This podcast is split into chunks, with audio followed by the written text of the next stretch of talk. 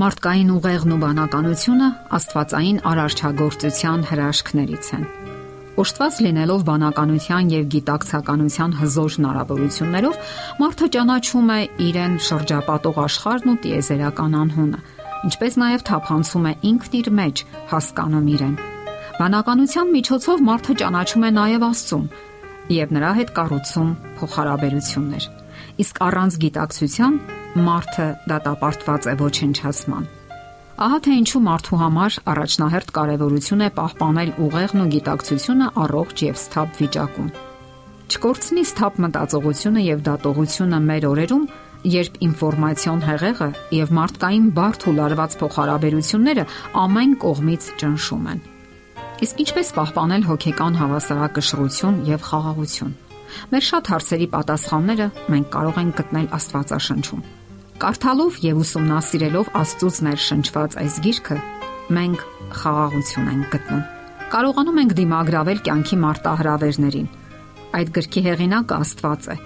ով արարել է մարդուն եւ հրաշալի գիտի նրան, նրա մարդկային հնարավորությունները եւ հոգեբանական առանձնահատկությունները եւ բնականաբար կարող է տալ բոլոր հարցերի պատասխանները։ Հատկապես մեր օրերում այս գիրքը կարող է անգնահատելի օգնություն մատուցել մեզ։ Իսկ ինչպիսի հիմնախնդիրներ կան մեր օրերում, որոնք ապաշարում են մարդուն։ Խոսենք դրանցից մի քանիսի մասին, որոնք կարելի է հաղթահարել առողջ մտքով։ Շատ կարևոր է թե ինչպես ենք մենք արձագանքում մեզ շրջապատող աշխարհի իրադարձություններին եւ երևույթներին։ Ցանկացած միտք, ցանկացած խոսք եւ արարք ունի իր հետևանքները։ Կատարելով այս կամ այն ընտրությունը, մենք ամրապնդում ենք սովորությունները եւ ճանապարհ բացում նյարդային համակարգում։ Իսկ մեր մեկնաբանությունները դառնում են մեր աշխարհայացքի դրսևորումները։ Չէ՞ որ ցանկացած իրադարձություն եւ երևույթ կարելի է մեկնաբանել տարբեր ձևով։ Հարկավոր է պայքարել նաեւ տագնապների դեմ։ Բժշկական տերմինաբանական բառարանում տագնապը մեկնաբանվում է այսպես. որևէ տհաճ իրադարձության սпасումի աֆեկտ։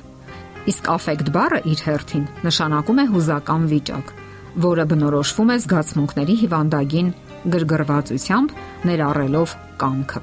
Միաժամանակ առաջանում է մտածողության պայծառության ուժեղ թուլացում։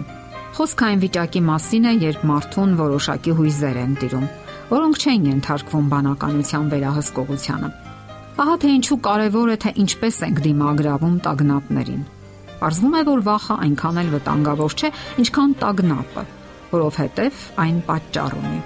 Վերանում է պատճառը, անհետանում է նաև վախը։ Իսկ հա տագնապը պատճառ ու տեսանելի հիմքեր չունի։ Վախը սրում է զգացումները, մոբիլիզացնում ուժերը եւ դրթում գործողությունների։ Իսկ տագնապը կարծես կատվածահար է անում կամքը, տանջում ու ճնշում հոգեկան ու ֆիզիկական տառապանքներ է պատճառում, հանգեցնում տարբեր հիվանդությունների իսկ երբեմն նաև մահվան։ Եվ ասենք, որ տագնապը ոչ մի բանի չի օգնում։ Թեպետ հազարավոր մարդիկ են անիմաստ տագնապների մեջ։ Իսկ ինչպես պայքարել տագնապների դեմ։ Անձնական տագնապները առաջանում են կենսական դժվար իրավիճակներից։ Մարդը անհանգստանում է ընտանեկան հարցերի համար, անձնական, աշխատանքային, հանապազորյա հացը վաստակելու խնդրին բախվելիս իսկ շատ տագնապների պատճառներ մնում են յենթագիտակցության մակարդակում եւ մարդը չի հասկանում դրանց պատճառը։ Դրանք վախի եւ անորոշ սպառնալիքների, անորոշ վտանգների զգացումներ են։ Այստեղ մեզ կարող է օգնության գալ Հիսուսի լեռան քարոզը։ Այնտեղ կարդում ենք. Սրա համար ասում եմ ձեզ, հոգս մի արեք ձեր կյանքի համար, թե ինչ պիտի ուտեք եւ ինչ պիտի խմեք, եւ ոչ էլ ձեր մարմնի համար, թե ինչ պիտի հագնեք Չէ որ կյանքը ավելին է կերակուրից եւ մարմինը հակոստից։ Նկատենք, որ հոգս բառը այստեղ բնագրում հնչում է որպես տագնապ, անհանգստություն։ Հիսուս Քրիստոսը այստեղ կոչ է անում հաղթահարել խնդիրները ոչ թե տագնապելով, այլ մտածելով այն մասին, թե ինչ ունենք մենք։ Այսինքն մենք ունենք կյանք եւ Աստված հոգում է մեր մասին։ Տալիս է ամեն ինչ իր ժամանակին։ Այս առումով ուսանելի է նշանավոր բանաստեղծ Օմար Խայամի հետևյալ քառատողը։ Վիրավորվեցի ես արարչից, որ ճունեի կոշիկ։ Մինչև չտեսա այն երիտասարդին, ով ճուներ ոդքեր։ Իսկապես, ի՞նչն է ավելի կարևոր։ Ոդքերը, թե կոշիկը, կյանքը թե կերակուրը, մարմինը թե հակոստը։ Այս հարցի պատասխանից շատ բան է կախված։ Հիսուս Քրիստոսը լեռան քարոզում շարունակում է իր միտքը։ Նայեցեք երկնքի թրջուններին, որ չեն սերմում եւ ոչ էլ հնձում են, եւ ոչ էլ ամբարների մեջ ժողովում, եւ ձեր երկնավոր հայրը կերակրում է նրանց, չէ որ դուք նրանցից ավելի լավն եք։ Աստված կոչ է անում մեզ գիտակցել մեր կարևորությունը արարչագործության մեջ եւ հասկանալ, որ ինքը հոգում է մեր բոլոր կարիքները, իսկ հաջորդ համարները ավելի են parzabանում Աստծո հորդորները ուղված իր զավակներին։ Հիմա ձեզանից ով կարող է հոգս անելով իր հասակի վրա մի կանգուն ավելացնել։ Եվ իսկապես, ով կարող է միայն տագնապելով փոքրինչ ավելացնել իր կյանքի տարիների թիվը։ Միայն Աստծուն են հայտնի մեր կյանքի տարիների տևողությունը։ Եվ վերջապես Հիսուսն ամփոփում է իր միտքը։